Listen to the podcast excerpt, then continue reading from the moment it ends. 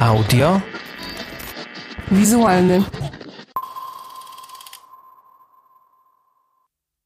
Witam bardzo serdecznie. Kolejny odcinek audiowizualnego. Ja się nazywam Karol Szafraniec, a to jest podcast o filmach i szeroko rozumianej kulturze audiowizualnej, który powstaje w ramach stypendium Kultura w sieci Ministra Kultury i Dziedzictwa Narodowego.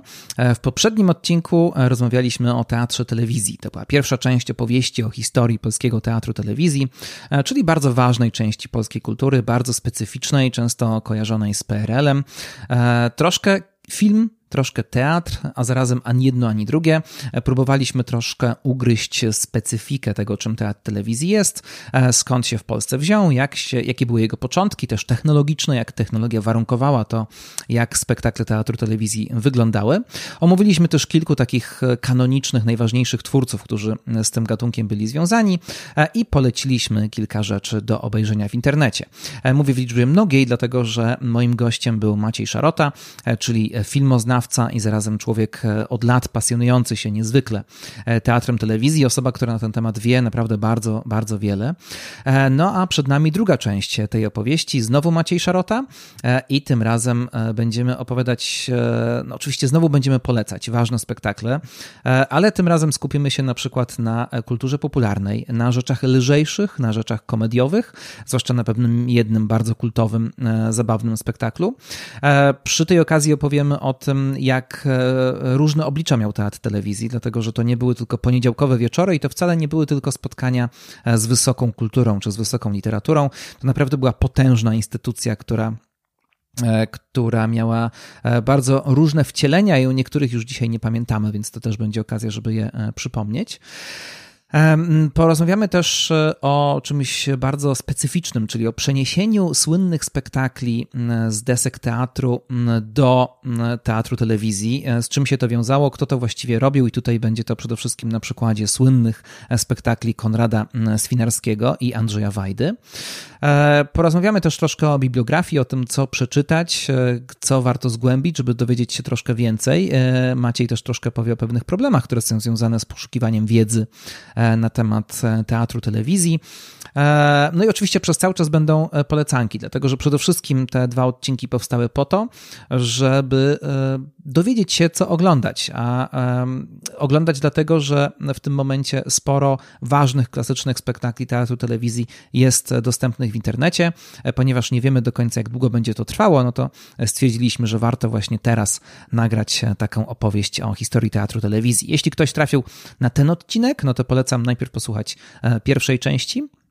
No a przed nami e, druga część, którą zaczniemy troszkę powrotem e, do tematu z pierwszego odcinka, czyli do spektaklu o procesie norymberskim Jerzego Antczaka, dlatego że ten spektakl wiązał się e, z teatrem faktu, ze sceną faktu e, i zaczniemy ten drugi odcinek od opowieści o innym spektaklu, który troszkę jest utrzymany w podobnej tematyce i również jest to spektakl bardzo wybitny, oparty na słynnym tekście reporterskim.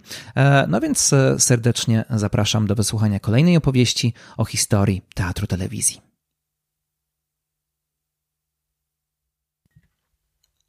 Ponieważ ten odcinek podcastu służy z jednej strony temu, żeby troszkę poznać historię teatru, telewizji, ale też, żeby polecić słuchaczom ciekawe rzeczy, które są do obejrzenia, to przy okazji epilogu norymberskiego mówiliśmy o teatrze faktu i jest tutaj też spektakl, który wyróżnia się na tle pozostałych. E, na pewno e, warto sięgnąć właśnie do, do tych źródeł VOD i wpisać sobie tytuł Zdążyć przed Panem Bogiem. Tekst, myślę, wszystkim nam znany e, reportaż Hanny Kral o ostatnim wówczas y, żyjącym przywódcy powstania w getcie warszawskim Marku Edelmanie. Spektakl zrealizowany w wiosną, wczesnym, na początku 81 roku, miał swoją premierę 17 y, kwietnia 81 y, w ramach studia faktu i sensacji. To też taka osobna scena wówczas, która powstała na przełomie lat 70. i 80. i funkcjonowała mniej więcej do stanu wojennego. I w ramach tej, tej sceny y, zrealizowano, realizowano też spektakle na podstawie dokumentów, reportaży. Y, była to ściśle, że tak powiem, osobna komórka, redakcja, y, która też jakby szukała takich materiałów, gdzie, gdzie można w trochę innej formie, nie stricte teatralnej, opowiedzieć coś w sposób też jako przekaz, będzie to przekaz artystyczny.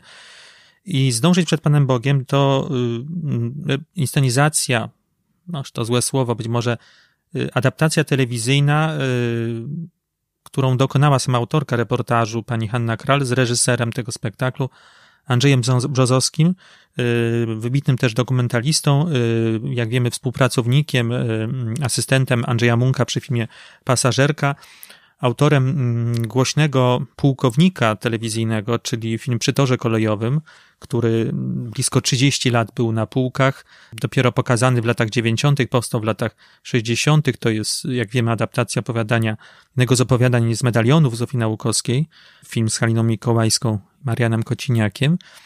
Więc temat y, Holokaustu, temat wojny a też w wielu dokumentach Andrzeja Brzozowskiego bardzo często się przewija. To było jego w orbicie jego zainteresowań. Z teatrem telewizji też był związany już wiele lat jako dokumentalista, y, choć sięgał też po teksty poetyckie. Y, też był w scenie poezji, y, realizował spektakle. Dążyć przed Panem Bogiem to myślę dzisiaj zwłaszcza też rzecz, bardzo, bardzo mocno czytelna i moim zdaniem przynajmniej i większości krytyków nie ulega jakiejś takiej, jest, ten spektakl staje się gorszy po latach. Mam wrażenie, że on dość mocno, mocno znalazł swój czas teraz. Niedawna emisja w telewizji też wywołała też spore, spore teksty recenzenckie, które rzadko odwołują się do tekstu spektakli archiwalnych. Y, tutaj w roli Marka Delmana widzimy y, Zbigniewa Zapasiewicza, a w roli reporterki to prawdopodobnie, jak wiemy, Hanna Kral, pani Elżbieta Kępińska. Y, Andrzej Brzozowski znalazł z Hanną Kral klucz do adaptacji tego tekstu. Jak wiemy, sam pan Marek Edelman nie bardzo był zadowolony z wcześniejszych już prób adaptacji tego reporterskiego tekstu na sceny teatralne. Y, przypomnę, w 1977 roku zostało, ukazała się książka i w kilku teatrach były próby y, zmierzenia się z taką wątłą formą reporterską i przeniesienia ją na dużą scenę. Y, myślę, że wydawisko telewizyjne, takie dość surowe, reporter, jako reportaż, bo tak, to, tak, tak się to ogląda, które zrobił Andrzej Brzozowski, było odpowiednie, żeby też całą siłę tekstu Hanny Kral siłę postaci, grozę, dramat tych wydarzeń przedstawić.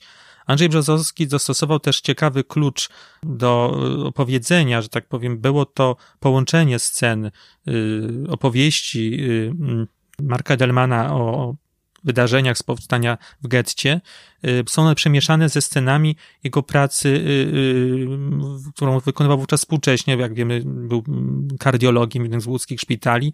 I też są rozmowy z lekarzami, z profesorami, gdzie jego musi podjąć decyzję o operacji, walczyć o jedno życie, a tutaj też wrócić do sytuacji, kiedy, kiedy Żydzi umieszczeni w getcie walczyli też o być może godną śmierć, o przetrwanie, ale to, to zostało na tych dwóch planach zbudowane.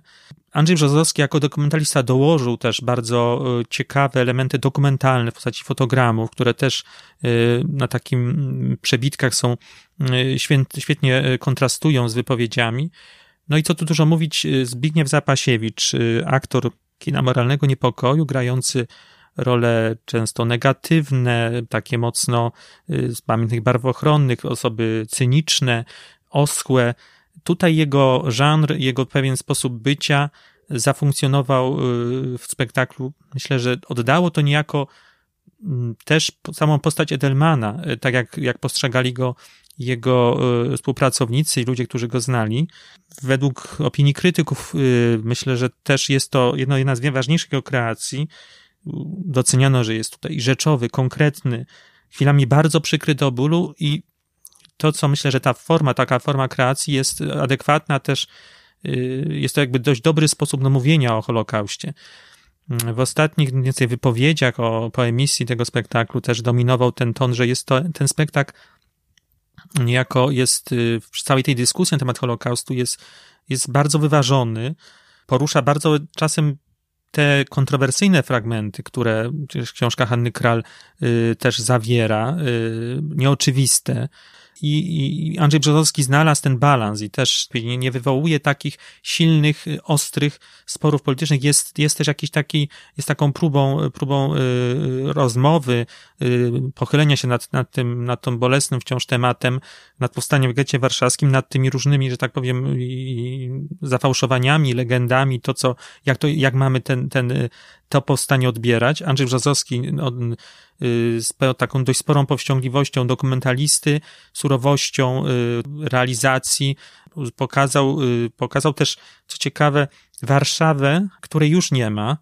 Śledzimy miejsca, w których dzieje, było powstanie w getcie warszawskim, osiedle Inflancka, miejsca, których, y, których opowiada w reportażu Hannie Kral. Tutaj y, też kamera została wpuszczona do miejsc, gdzie, gdzie właściwie teraz już albo ich nie ma, albo już nie ma możliwości, żeby się skonfrontować, gdzie, był, gdzie były miejsca na wywózkę Żydów z getta do, do Treblinki, gdzie, gdzie doszło do rozstrzelania.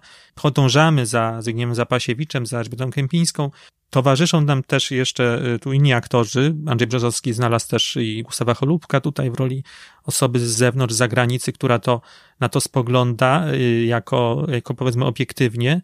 Y, Nima Jakomorowska w roli właśnie córki Joachima, bo to też na tym bardzo krótkim spektaklu pokazywanym wtedy w początku lat 80., w środku tygodnia, nie zyskał on wtedy jakoś takiej dużej, bo to i też czas karnawału Solidarności, nie zyskał aż takiej dużej wtedy y, recen, dużej ilości recenzji, ale po latach, jak co, co ciekawe, poprzypominany w kilku kanałach telewizyjnych, a teraz jest dostępny w Audi, y, poraża. Przyznam szczerze, że Zapasiewicz jest, jest jakby niejako, jego kreacja jest, jest tutaj, jest wstrząsająca. Wielka siła, wielka y, siła i aktorstwa, powściągliwa reżyseria dokumentalisty, faktura taka, powiedziałbym, widowiska telewizyjnego, jak, jak reportaż, i, i, jak widać, teatr telewizji to nie tylko y, sam teatr, to też to cały czas ta, hyb, ta hybryda telewizyjna, gatunkowa, m, bardzo różnych rzeczy czerpie i wychodzą z tego, myślę, że wydarzenia, dzieła y, ważne,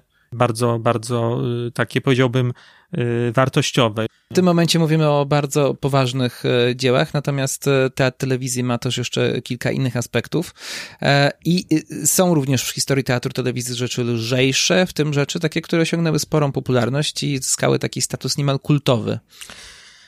No tak, oczywiście, y, gdyby nie, pewnie nie gatunek y, komediowy, no to, y, znaczy, warto powiedzieć, że ta telewizji w kontekście, jak był postrzegany, czy, czy jest to tylko, ma być teatr poważny, był, był pod tym względem dość mocno demokratyczny, więc miał wiele scen, wiele Y, realizował bardzo różne, wszystkie możliwe gatunki, musicale, operetki, rewie, wodewile, komedie, kryminały, Widowiska fantastyczno-naukowe, co ciekawe, też miało swoją osobną scenę. Widowiska muzyczne, y, paradokumentalne, muzyczno-baletowe, poetyckie. To jest ten przywilej i przewaga teatru telewizji, że, że, że, że jest pojemny. Y, myślę, że gdyby y, powiedzieć, co, co pamiętamy z teatru telewizji jako w takim odbiorze, to na pewno też te, te rzeczy komediowe, te które, te, które y, powodują u nas uśmiech, też rozbawienie, które potrafimy, do których potrafimy często wracać, które właśnie tak wspomniałeś, mają charakter kultowy, i taką rzeczą, o której warto pamiętać, ale która jest dość często powtarzana w telewizji, ale nie możemy jej polecić do legalnego źródła, to Igraszki z diabłem według reżyserii Tadeusza Lisa, sztuka czeskiego autora Jana Drdy, y, która premierę miała tuż po wojnie y, w 1947 roku. Y, grana na wszystkich teatrach w Europie wtedy wschodniej, w Polsce już w 1948 roku pamiętna inscenizacja Teatrze Wojska Polskiego inscenizacja Leona Schillera. W telewizji pokazywana wówczas już miała kilka inscenizacji, ale do złotej setki teatru telewizji weszła ta zrealizowana w 79 roku, którą, y, a premiera miała w roku, w styczniu 80 w ośrodku warszawskim. Inscenizacja y, z Marianem Kociniakiem w roli Marcina Kabata, a także pamiętne role Wojciecha Pokory, Jana Kociniaka, y, Barbary Wrzesińskiej, no i w roli Kasi y, Wrzeszcząca, ekspresyjna, wspaniale, że tak powiem, budująca to, rozbijająca ten spektakl Magdalena Zawadzka. Spektakl, który odwołuje się do tematyki baśniowej, trochę z przymrużeniem oka, trochę to jest taka ideologicznie rzecz podszyta krytyka kościoła, ale przede wszystkim walka między dobra a złem, ze złem Y, Tadeusz Lis bardzo ciekawie tutaj jako realizator, bo przypomnę, to człowiek też już myślę, myślę zapomniany, bo wyemigrował pod koniec lat 80. do Kanady, z pochodzenia Czech, y, kończył tu szkołę filmową w Polsce, reżyser i realizator y, w ośrodku warszawskim, przede wszystkim w Krakowie, tam też był przez wiele lat związany. Potrafił też, y, czuł klimat czeski, że tak powiem, tego typu, y, tą ludowość, y, taką, ten, ten klimat humoru, pamiętny inny spektakl Zapomniany Diabeł, który był spektaklem roku. Tutaj w igraszkach z diabłem też potrafił rzeczywiście wiedzieć, kiedy jest coś już, kiedy nie przeszarżować, kiedy to Y, wziąć w nawias pewne, pewne sytuacje. Zastosował świetnie też jej środki trikowe wtedy, jak na tamte czasy, bardzo, bardzo rozwinięte, ale też, te, te, też miał świetny zespół aktorski.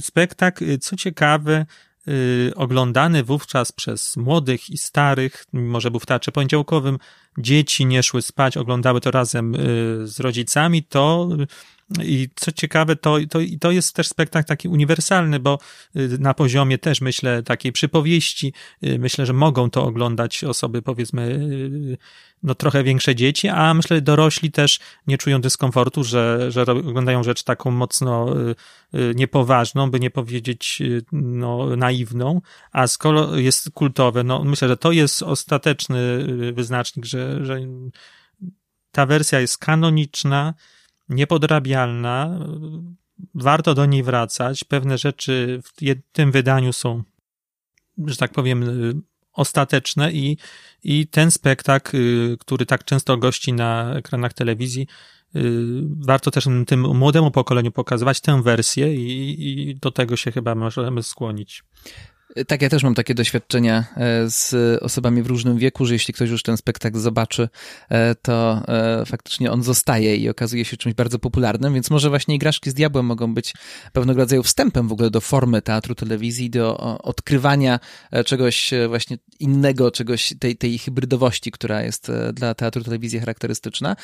Co jeszcze z takiego repertuaru troszkę lżejszego możemy polecić? To, co możemy polecić, a jest dostępne na serwisach streamingowych, to na pewno y, prace telewizyjne pani Olgi Lipińskiej, która oczywiście y, jako reżyser stricte telewizyjny przede wszystkim, y, bardzo często z dobrym skutkiem przedstawiała, realizowała mm, komedie, wszystkim Aleksandra Fredry, Alfreda Demiseta, czy, czy też innych komediowych autorów, Y, warto zobaczyć też jej inscenizację komedii zapolskiej, Skis, który jest dostępny y, na serwisie VOD, Damy i Huzary, również y, mocno, ostro zagrane. Ta, ta komedia, znakomita komedia Fredry jest tutaj też, też w tej wersji kanonicznej, takiej mocno, która przeszła do, do, do historii teatru telewizji, też znalazła się w Złotej Setce. Jerzy Gruza, o którym żeśmy wspominali, który jako twórca uniwersalny Y, różnych się gatunków i mał telewizyjnych i z ogromnym, ogromnym powodzeniem. No, nie będę tutaj odkrywczy, ani jakoś oryginalnym mieszczanin szlachcicem według Moliera, z pamiętną rolą Bogumila Kobieli, inscenizacja z 69 roku. I to też, y, też taki, jest taki ciekawy klucz y, realizacyjny, żeby zrobić to troszeczkę jako program rozrywkowy, ale ogląda, się to bardzo dobrze po latach i myślę, że Bogumił Kobiela stworzył jedną z najważniejszych ról obok yy, Piszczyka w Zezwatym Szczęściu właśnie pod koniec życia. Nie dożył premiery, jak wiemy, było to nagrywane yy, w miesiącach yy, wiosennych 69 roku. Latem ginie w wypadku, yy, czy yy, umiera w wyniku obrażeń po wypadku, a premierę przygotowano yy, na yy, grudzień 69 roku. No i właściwie y, też, y, będąc, trzymając się kręgu y, oczywiście tych klasyków komedii, warto też wspomnieć o ich czworo za polskiej znakomitej inscenizacji również twórcy stricte telewizyjnego, choć też filmowego, ale który ogromne zasługi dla telewizji ma i ogromne, ogromny dorobek telewizyjny, bardzo, bardzo ciekawy. Tomasz Zygadło, reżyser z kina moralnego niepokoju, który niejako zrezygnował z filmu w pewnym momencie i, w telewizji mm, realizował się artystycznie, oczywiście też jako teatralnie, ale tutaj zrobił swoje być może najciekawsze produkcje. No, komedia nieśmiertelna y, o ludziach głupich y, z Anną Seniuk, Wojciechem Szoniakiem, y, Anną Dymną i Jerzym Szturem oczywiście w roli kochanka. Z 77 roku premiera, warto to oglądać. Myślę, że tekst za polski jest, jest uniwersalny, warto też się z tym demaskatorstwem zderzyć, wciąż przejrzeć się w tym lustrze i, i popatrzeć się na, na, na, na tą kołtunerię, mieszczaństwo, na siebie, na nasze, nasze przywary. E, skoro mówimy o e, rzeczach lżejszych i popularnych, to coś, co jest lżejsze, to wcale nie znaczy, że musi to być komedia, bo jak się okazuje, teatr telewizji zahaczał też o kulturę popularną. Co, co tutaj możemy powiedzieć?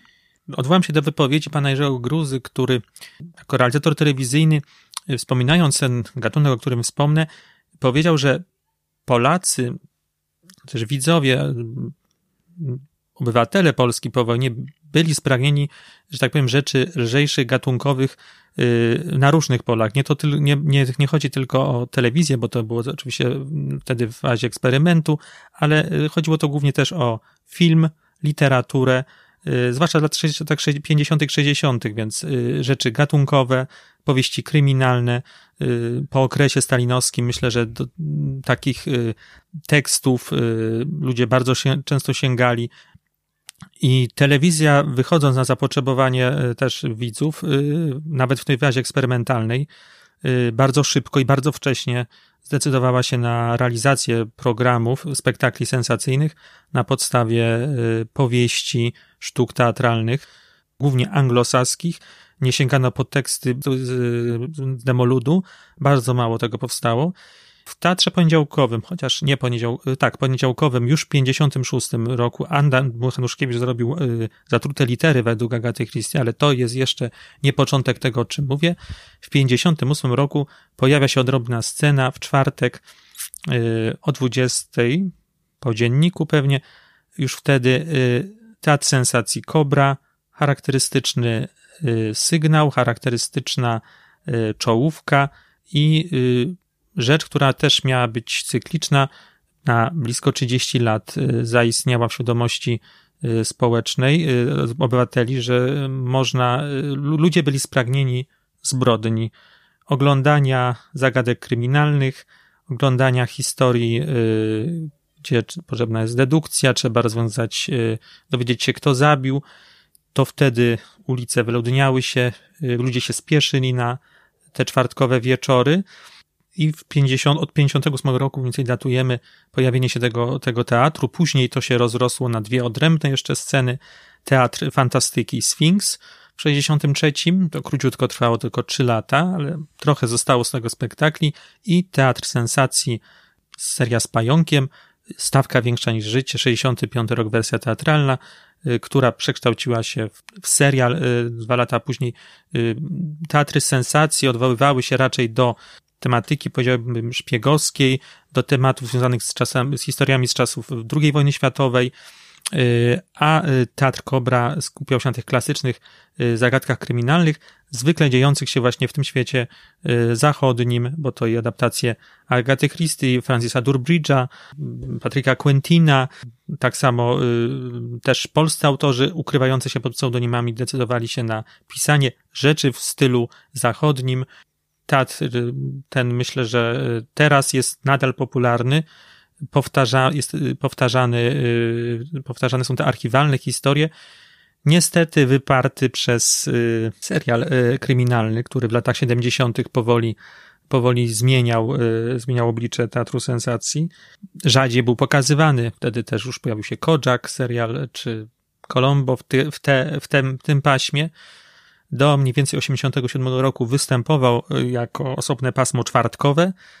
Później z różnymi skutkami powtarza, y, próbowano reanimować ten cykl y, w latach 90. i 2000. Jest to rzecz zamknięta, ale do której wraca się sentymentem i, i też ma ona charakter kultowy. Też myślę, to tak warto pamiętać, że te inscenizacje, które są najciekawsze z lat 70., 60. z Teatru Kobra, one też te najlepsze są zbudowane na podstawie właśnie, właśnie tych, tych brytyjskich wzorców i bardzo dobrze adaptowane przez, przez polskich twórców, a też myślę warta że, że wspomnieć, że grali w tym tak samo znakomici aktorzy Gustaw Holubek, Andrzej Łapicki, y, Jan Świderski, y, wielu innych, którzy nie bali się grać w takich rzeczach lżejszych, y, które powiedzmy no, z literaturą Zbigniew Cybulski grali w tym, było to tak samo traktowane jak, jak wielka rola dramatyczna i dlatego też myślę, że siłą tych spektakli jest też znakomite aktorstwo. To cały czas podkreślam, że to jest chyba rzecz, która broni tego zjawiska teatru, a teatru sensacji szczególnie, że to się ogląda też dla aktorów, mimo że te zagadki czasem są naiwne. W przypadku teatru sensacji troszkę jest propagandy, ale przyjmujemy to z, naprawdę z pewną taką dozą y, troszeczkę y, z cudzysłowiem. E, skoro wspominasz o propagandzie, e, to myślę, że warto e, jakby wyjść poza propozycję konkretnych spektakli i jeszcze omówić kilka, kilka aspektów zjawiska teatru telewizji. Po pierwsze, wspominasz o scenach. Mówisz o poniedziałku, mówisz, że jest czwartek i zupełnie co innego pokazywano, czyli może omówmy to, powiedzmy o tym, jak, jak, jak teatr telewizji był podzielony. E, znaczy, poza okresem, e, że tak powiem, eksperymentalnym, kiedy tylko parę dni w tygodniu mogliśmy oglądać te, e, w ogóle telewizję i było to, jak przypomnę, w kwietniu od, od 55 to było dwa razy w tygodniu, w, już we, w trzecim kwartale to trzy razy w tygodniu, dopiero chyba 60 rok, jeśli dobrze pamiętam, to jest chyba 7 dni w tygodniu, jest cała pełna ramówka. No, trzeba było tą ramówkę czymś zapełnić. Y, też y, programy artystyczne, filmy y, publicystyczne, że tak powiem, tak samo dla dzieci, no, programy, nie wiem, rolnik, dla rolników, poradnikowe, wszystko to można w ramówkach zobaczyć, ale zdecydowano się teatr telewizji rozbudować do ogromnych rozmiarów, zaserwować widzom coś, co jest bardzo elitarne i w bardzo dużej ilości, i dlatego też y, ta telewizji to nie tylko scena poniedziałkowa, która pojawiła się w ostatnim kwartale 55 roku, ale z biegiem czasu też inne sceny, gdzie pewne rzeczy trudniejsze, lżejsze dla określonych grup wiekowych, y, y, tematycznie zostały prezentowane. I właściwie tygodniu można było trzy czy cztery spektakle oglądać. Yy, przypomnę tylko, że już w 57 roku pojawia się pierwsza sprofilowana scena, czyli estrada poetycka. Yy, rok 58 to jest właśnie wspomniana, wspomniana teatr sensacji Kobra, yy, teatr dla przedszkolaków, to już dla bardzo, to jest ta, taka scena, która istniała do 80 roku. Osobno był też teatr dla dzieci, teatr młodego widza, młodzieżowy teatr telewizji, w tym 59. telewizyjne studio literackie y, i to tak stopniowo y, rozbudowane wtedy w latach 60. Studio 63, czyli właściwie z założenia eksperyment pana Adama Hanuszkiewicza, ale i też innych twórców, bo tam nie tylko sam mistrz reżyserował, gdzie dramaturgię współczesną. Mały teatr telewizji, który też formy takie powiedziałbym krótsze, Y, studio współczesne to jest osobna scena, powstała w 67 roku, ona do połowy lat 70. istniała, to był zupełnie inny dzień niż teatr poniedziałkowy. Teatr rozrywki się pojawił w połowie lat 60. Teatr jednego aktora, scena monodram w 69. Y, teatr komedii, który wy, wy, zmienił, wy, wyparł teatr rozrywki w połowie lat 70. Y, teatr muzyczny, który był też y, osobną sceną w latach 70. przez 5-6 lat. Y, scena faktu. Y, najpierw były to fakty mówią pana Stefana Szlachtycza, Krzysztofa Wojciechowskiego i Grzegorza Królikiewicza. Później Teatr Faktu już pod, pod egidą Grzegorza Królikiewicza. Studio teatralne powstałe w 77 roku, które też te elitarne, bardzo niszowe rzeczy pokazywało do początku lat 80. Studio Faktu i Sensacji. No i wreszcie to, co przetrwało bardzo długo, to już na lata 80. wchodzimy, czyli studio teatralne dwójki, które spełniło od 87 roku przez do 2007 przez 20 lat no, taką scenę, gdzie można zobaczyć rzeczy bardzo, bardzo trudne, bardzo y, wymagające przygotowania też y, odbiorców.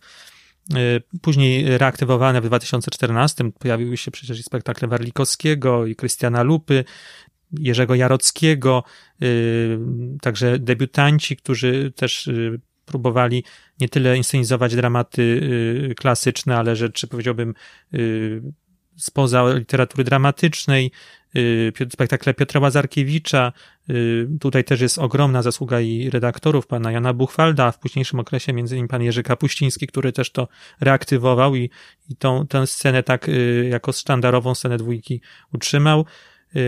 No, w dzisiejszych czasach mamy już tylko scenę teatru poniedziałkowego, no i coś, co myślę, ten teatr dla dzieci w, sposób, w, w takim wydaniu ogromnym z lat 80. to jest prawie 20 przeszło lat, osobna pasmo. Teatr lalkowy miał rzeczywiście bardzo dużo też, też swoich, y, swoich osobnych scen. Y, to już też zostało niestety zaniechane z przyczyn finansowych. I coś, co mało kto pamięta, y, telewizyjny festiwal teatrów dramatycznych istniał na przełomie lat 60., 70., w miesiącach wakacyjnych. Były to transmisje ze spektakli z całej Polski. Też to było w formie na początku konkursu, później to zostało w formie takiego przeglądu, plebiscytu. Mm, z tego, co się orientuje, coś tam zostało zarejestrowane, większość niestety przepadła, ale też to były y, sceny y, Poznania, Wrocławia, Warszawy, Gdańska, między innymi też i spektakle Konrada Swinarskiego Klątwa została zaprezentowana w 70 roku w ramach tego festiwalu. Też to zostało y, zaniechane. Przy czym na przestrzeni tych lat to myślę, że coś tu pominąłem, ale ta telewizja z całymi jeszcze tymi scenami pod z takimi podscenkami, to jest, to była dla widzów wtedy przez kilkadziesiąt lat, no to jest ogromna, ogromna oferta, ale no cóż, nie było innych możliwości do pewnych rzeczy dotrzeć, y, zobaczyć, nie było innych środków przekazu, to, to mamy teraz, więc jest jakby ten teatr miał y, no, funkcję edukacyjną i, i ta ilość była no, podyktowana, że no, skąd ma się społeczeństwo dowiadywać o, o wielu, wielu artystycznych rzeczach. Skoro to było takie ważne i było tego tak dużo, e, a poza tym no siłą rzeczy, mimo tego, że... I były pieniądze na to. No właśnie, e, i siłą rzeczy, mimo tego, że teatr telewizji wciąż istnieje, e, to jednak kojarzymy go przede wszystkim z epoką PRL-u i my też rozmawiamy przede wszystkim o tych największych dziełach, które wtedy powstały. Jaki był stosunek polityków do teatru telewizji i, i właśnie dlaczego tak było, że znajdowały się środki na to, żeby teatr telewizji mógł istnieć w tak bardzo szerokim e, zakresie. E, ja tylko się tutaj odwołam do wypowiedzi, na ile prawdziwej, no trudno to zweryfikować, pana e, Macieja Szczepańskiego, który był prezesem mm, teatru, prezesem radiokomitetu, mniej więcej w tym okresie czasach gierkowskich, po 72 do 80, który też przecież jest osobą, był osobą mocno, że tak powiem, ustawioną politycznie też wobec y, człowiekiem tamtej władzy, ale jednocześnie osobą, myślę, inteligentną, wykształconą, która też jakby stwierdziła, tak przynajmniej stwierdził y, że w wypowiedzi archiwalnej, że, że to jest najważniejsze, ta telewizji y, no, to jest, ma być flagowy program artystyczny, tym się mamy szczycić. Być może też ludzie, którzy tym zarządzali, którzy yy, też podlegali bezpośrednio tej politykom, też to są osoby, które jednak yy, Y, to, nie, to, nie, to by nie była, y, no były osoby, które, które no, ręcznie sterowały, dawały pewną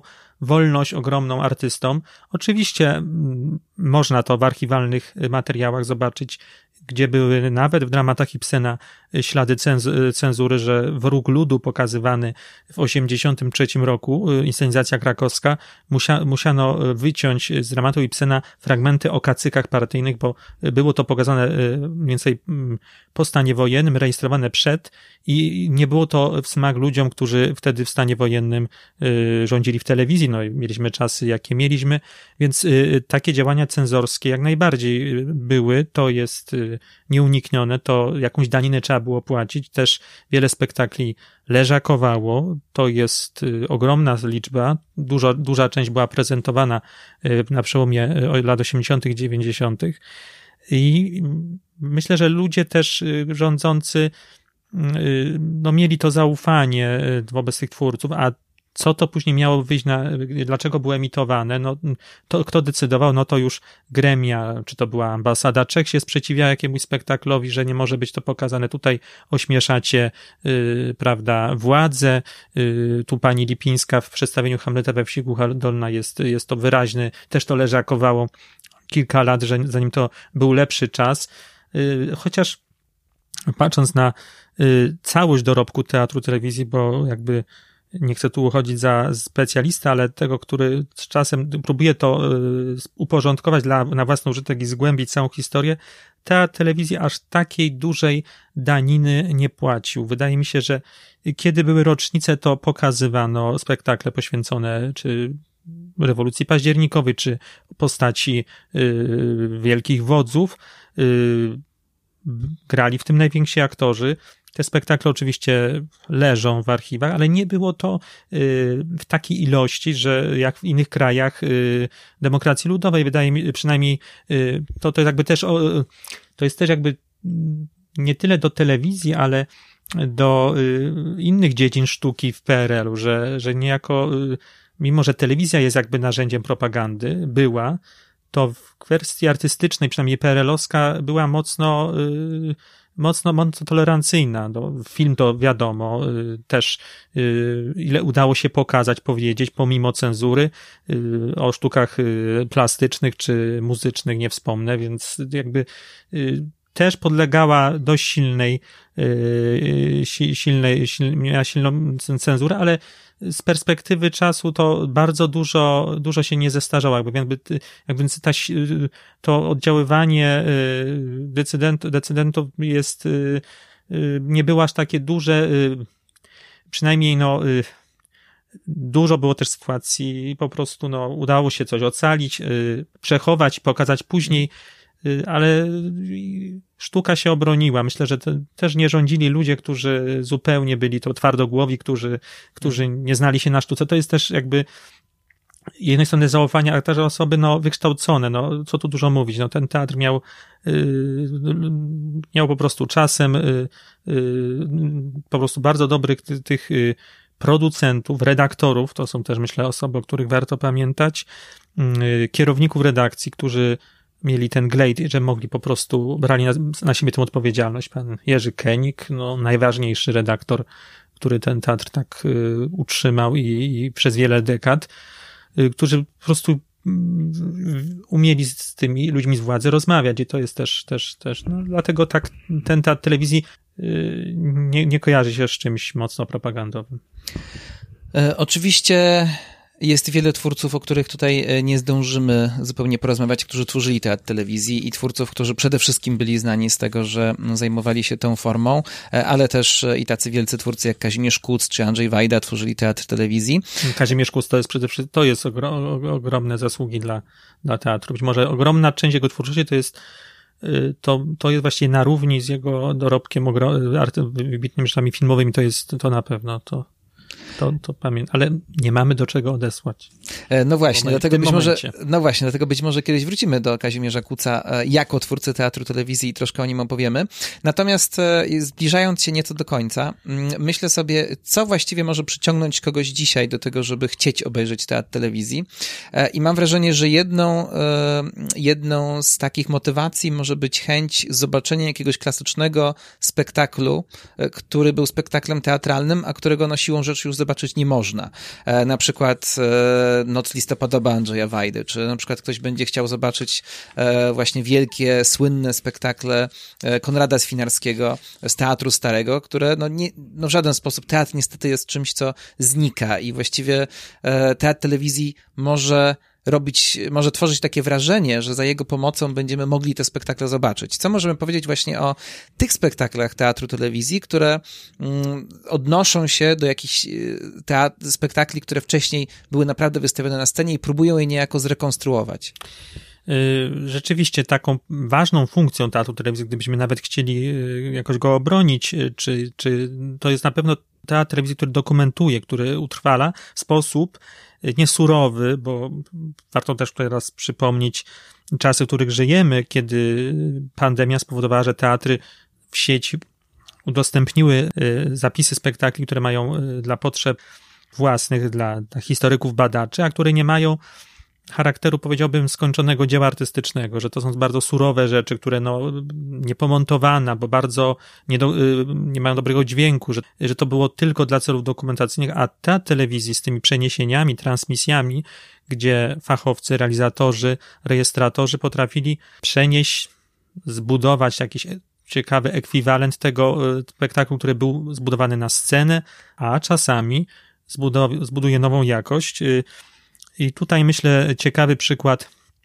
spektaklu, który warto przypomnieć sobie, y, jest na e, serwisach streamingowych, czyli Noc listopadowa, inscenizacja dramatu Stanisława Wyspiańskiego, którą dokonał y, Andrzej Wajda. Y, przypomnę, premiera odbyła się w Teatrze Starym w Krakowie w 1974 roku. Propozycja, żeby przenieść to do telewizji, wyszła w 1977. realizowane było to jesienią tegoż roku. Noc listopadowa została że tak powiem, zarejestrowana na autentycznych miejscach, y, gdzie dzieje się akcja dramatu Wyspiańskiego. Zrealizowano to w Warszawie, w y, Łazienkach Królewskich, y, we wnętrzach w Pałacu Belwederskim, a także na ulicach Starego Miasta w Warszawie. Było to kręcone częściowo techniką telewizyjną, częściowo filmową i brało w tym udział i realizatorka, i, i operator. Krytycy zwracali uwagę, y, że poprzez środki techniczne można pokazać y, tą warstwę nierealistyczną w dramacie Wyspiańskiego. Nakładał i mieszał obrazy. Y, pan Andrzej Wajda, też te postacie mitologiczne zostały w sposób właśnie pokazane z tymi rzeczywistymi z czasów wybuchu Powstania Listopadowego i też poprzez te, te, te, te takie działania formalne Zyskało to nową jakość, którą też nie można było uzyskać w teatrze żywego planu. Y, jak mówiono, spotęgowano to ekspresję spektaklu. Czy to jest przeniesienie? To już jest pytanie właśnie też fundamentalne. Na ile to są już przeniesienia, twórcze przeniesienia, autoprzeniesienia? Y, czy to jest to, co oglądamy w Teatrze Starym w Krakowie? Czy to zupełnie autonomiczne, coś innego?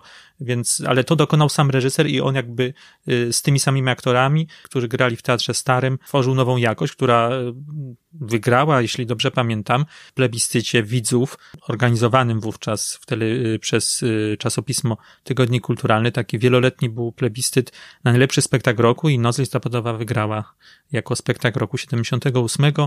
A co możemy powiedzieć o tych przeniesieniach słynnych spektakli?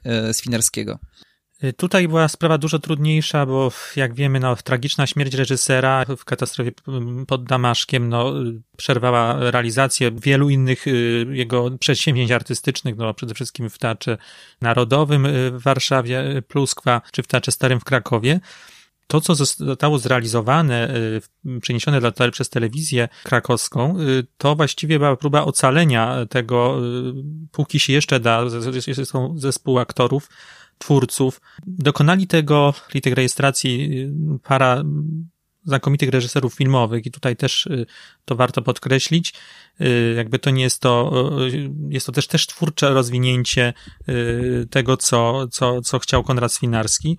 Mowa o spektaklu Wyzwolenia, sztuka, arcydramat Stanisława Wyspiańskiego, zarejestrowany w 79 roku przez Agnieszkę Holandię i Laca Adamika i 10 lat po premierze, w 1983 roku zdecydowano się zarejestrować y, słynne dziady Konrada, w reżyserii Konrada Swinarskiego. Y, zrobił to już sam Laco Adamik. W obu przypadkach zdecydowano się zachować wierność y, koncepcji reżysera, jak przedstawić ten dramat, jak to jest inscenizacyjnie y, skonstruowane. Myślę, że też i pomoc całego zespołu aktorskiego i asystentów, y, że tak powiem, była nieodzowna.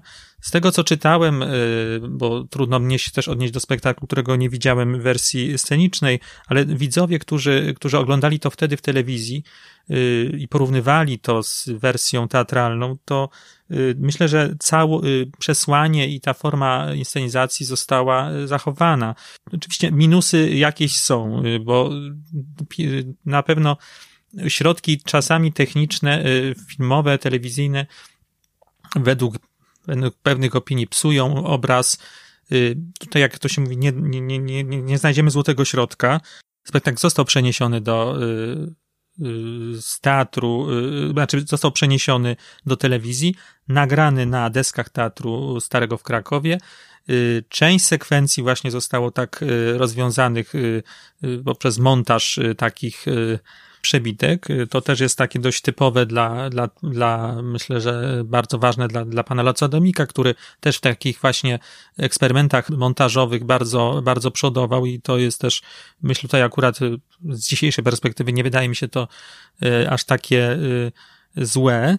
Zastosowano też jakby taką klamrę. Początkowo widzimy e, widzów, którzy wchodzą do teatru starego w Krakowie, do Foyer, Y, zasiadają nam y, przed, y, wśród publiczności. Na końcu spektaklu widzimy aktorów zmęczonych, schodzących ze sceny, wchodzących do garderoby, rozbierających się w garderobie, zrzucających z siebie te, to, to ogromne napięcie.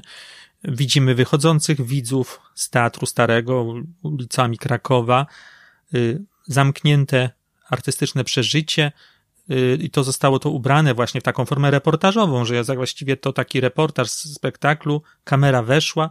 Y, pytanie, na ile to było y, w studi- na scenie robione bez udziału publiczności, te wszystkie, że tak powiem, sekwencje ze zbliżeniami na twarze, zarzucano, ale to jest, wydaje się być mocno takie wątpliwe, że no, pewne rzeczy, które w teatrze były z oddalenia, cała ta scenografia pana Kazimierza Wiśniaka, ten sarkofag, który nie był, z świętego Stanisława nie był widoczny, tak, tutaj został w zbliżeniach pokazany. No, cóż, to jest przywilej telewizji, że pewne, że zachowuje całość y, przesłania, y, daje hołd reżyserowi, na końcu widzimy to nawrót kamery na zdjęcie pana Konrada Swinarskiego, ale ten element y, własny pani Agnieszki Holland, artystyczny i Glaza Adamika, no, to, to były te takie odstępstwa, które y, no, nie, mnie to odsądzać, nie, nie wiem, to jest już specjalistą od, y, od teatrologom, którzy, badaczą twórczości Swinarskiego. W przypadku dziadów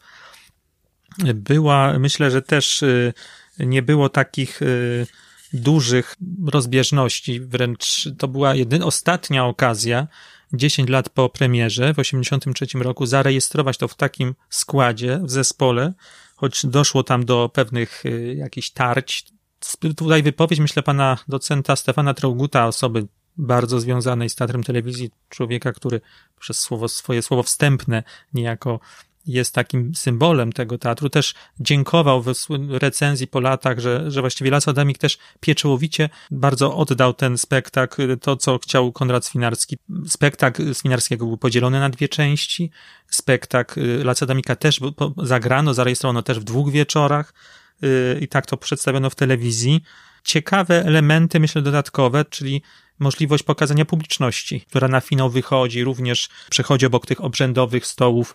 Y, to ma też ten walor dokumentacyjny y, i to jest też ta, ta ogromna, ogromna siła rejestracji, twórczej realizacji. I myślę, że telewizja z takimi twórcami, którzy podejmują się po tak, przejąć pałeczkę po tych nieżyjących twór, y, reżyserach, jeden artysta potrafił, że tak powiem, uchwycić, utrwalić to, co jest z nią uchwytne, co jest nietrwałe. E, dobiegamy do końca naszej opowieści o teatrze telewizji. Oczywiście zdajemy sobie sprawę, że mm, tylko mm, poruszamy się po pewnych aspektach, a temat jest tak naprawdę bardzo głęboki i myślę, że wart głębszego odkrywania i wart e, poznawania na nowo.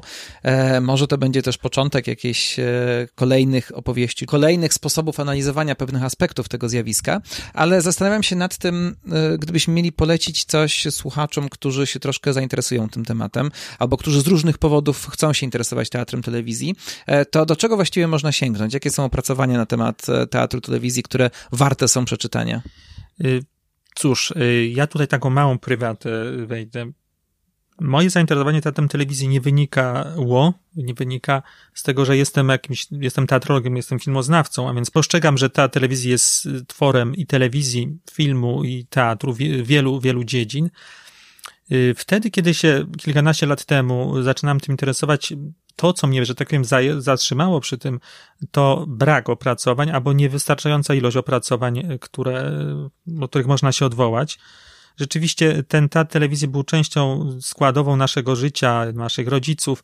W przeciwieństwie do filmu dokumentalnego, popularnego, animacji, już nie mówię o filmie zagranicznym, mamy mnóstwo, a w tej chwili ogrom, y, ogrom opracowań specjalistycznych. Teatr telewizji wciąż czeka na prawdziwą monografię Wtedy wydawało mi się, że nie ma, jest za wiele, że w ogóle nie ma przede wszystkim historycznych opracowań, bo to jest y, teoretyków y, teatru telewizji mamy kilku i są książki profesora Jerzego Limona, y, książki pana Stanisława Kuszewskiego były w czasach PRL-u o teorii teatru, pracę pani Poli Wert, rzeczy bardzo mało dostępne, mówię o tych starszych. Książka pana profesora Limona jeszcze może być w jakiejś bibliotekach dostępna, obrazy przestrzeni.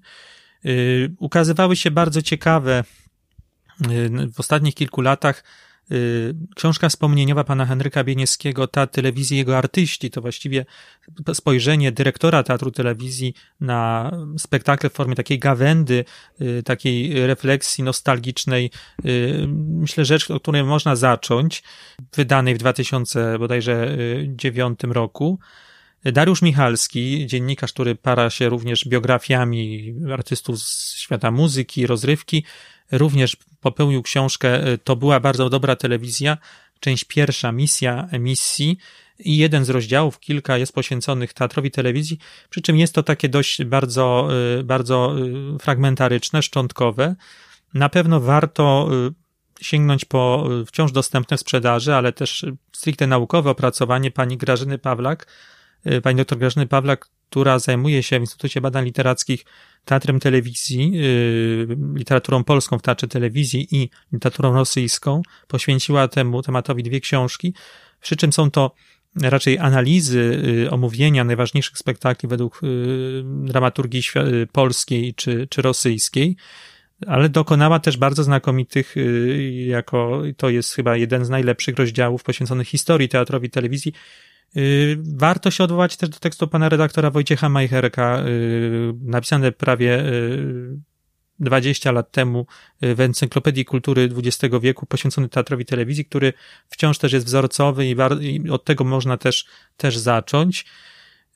Jeśli chodzi o teatr krakowski, mamy książkę pani Barbary Biel o teatr ogromny o, o działalności ośrodka krakowskiego, który ma obok Warszawy właśnie naj, naj, najciekawsze dokonania artystyczne, jeśli chodzi o teatr telewizji.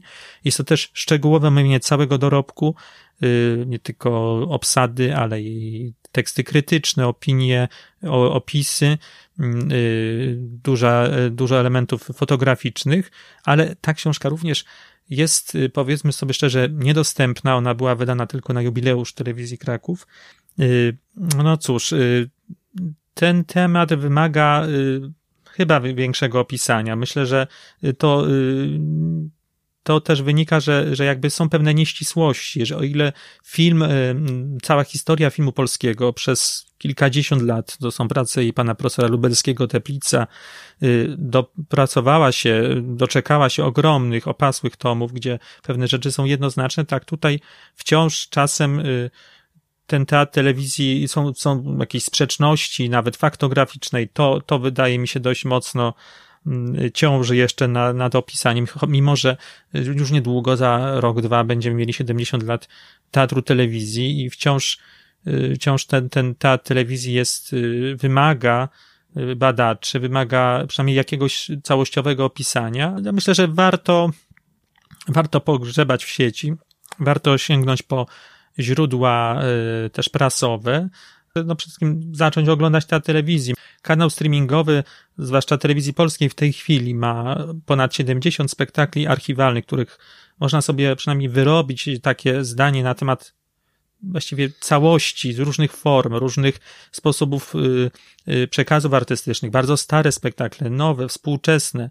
Y, tu oczywiście jest problem z, nie ma dramaturgii zagranicznej, to są kwestia praw autorskich, ale i dramaty Różewicza, i Redyńskiego, i Waszkiewicza, klasyczne teksty, teksty romantyczne, czy Gabriela Zapolska, Aleksander Fredro, Jan Kochanowski, przekrój właściwie dość duży, póki to jest, warto to sięgać. Myślę, że, że jest, y, jest co podziwiać, jest czym się zachwycać i to w dobrej jakości. Miało to być krótko, jest to przedłużone, więc y, trzeba, trzeba warto po to sięgać. No, y, tym bardziej, że, że co tu dużo mówić, serwisy streamingowe Myślę, że to jest przyszłość, niestety albo stety, więc na DVD pewnie już raczej tego nie, nie, nie wydadzą, może na Blu-rayu, nie wiem, ale a książki, no cóż, myślę, że każdy sam znajdzie swoją drogę. Jeżeli artysta to poszczególny, który kogoś zachwyci, to, to, to w sieci można znaleźć bibliografię, a książki są. No niestety, wciąż ta telewizji nie ma, a to specjaliści się znajdą. Myślę, że może kiedyś napiszą. E, bardzo dziękuję. E, miejmy nadzieję, że temat w takim razie się rozwinie. E, a moim i naszym gościem był Maciej Szarota. Dziękuję. Na koniec coś, co nazwałbym sceną usuniętą. To znaczy, kiedy zaczynaliśmy nagrywać naszą rozmowę z Maćkiem, to mm, mieliśmy kilka podejść i w pewnym momencie udało się nagrać taką wypowiedź Maćka, która ostatecznie wyleciała z e, finalnej wersji rozmowy, e, ale która jest dość ważna, dlatego że kiedy słucha się tych dwóch odcinków, no to możemy mieć wrażenie, że teatr telewizji to jednak jest pieśń przeszłości. E, to jest coś bardzo mocno związane z PRL-em i często też to w naszych rozmowach podkreślamy, ale przecież teatr telewizji istnieje wciąż, istnieje nadal. No i parę słów jeszcze na ten temat. Na początku jeszcze taka jedna uwaga, nie zgadzę się z tym e, wstępem, że to jest forma przeszła, mhm. bo to, że to jest, ma, mamy dostęp do e, starych archiwalnych spektakli w, w usłudze wideo na życzenie, to jest jedna rzecz, a ta telewizji jaki by nie był, jaki jest teraz tworzony, ciągle powstaje. Telewizja publiczna z mniejszym, lepszym lub gorszym skutkiem realizuje spektakle i ilościowo, premierowo jest to Y, właściwie y, nie regres, ale ciągle, y, ciągle ten teatr telewizji jest tworzony. Można się oczywiście mm, kłócić na jaki, jaka to jest jakość, ale rzeczywiście te najlepsze spektakle, to co, co jest właściwie takim elementem, którym powinniśmy się chwalić i pamiętać, to jest w tym momencie w ostatnich latach udostępniane.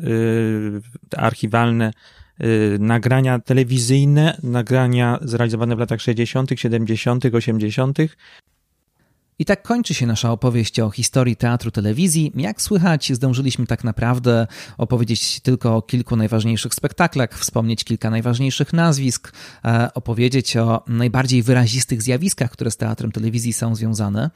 Mam jednak nadzieję, że chociaż dla kilku osób był to ciekawy rodzaj inicjacji do tego tematu, ale to oczywiście wszystko jest jedynie wierzchołek góry lodowej, a resztę już można eksplorować samemu. Na szczęście żyjemy w takich czasach, kiedy e, technologia udostępnia nam e, właśnie tego typu odkrywanie rzeczy e, wcale nie do końca oczywistych. E, zachęcam do tego, żeby audiowizualnego odwiedzać, wspierać, jeśli komuś się podobało, odwiedzać na Facebooku, zostawiać komentarze, polajkować, obserwować. E, audiowizualny ma też swój kanał na YouTubie, podcast audiowizualny, tam akurat pisane razem i tam też można audiowizualnego słuchać. No, a poza tym oczywiście audiowizualny jest dostępny na Spotify'u, na Stitcherze, na TuneInie, na Apple Podcast, na Google Podcast, na Deezerze e, i na chyba wszystkim innym. Natomiast jeśli gdzieś nie jest dostępny, e, a ktoś by chciał, żeby tam właśnie był, no to też polecam, żeby zostawić komentarz na ten temat, najlepiej na Facebooku. E, no ja się już żegnam i zachęcam do tego, żeby znowu za tydzień nasłuchiwać w okolicach czwartku. Mam nadzieję, że będzie coraz regularniej kolejny odcinek i znowu tym razem powędrujemy w zupełnie, w zupełnie inne rejony, ale oczywiście wciąż rejony audiowizualne. Dziękuję i zapraszam.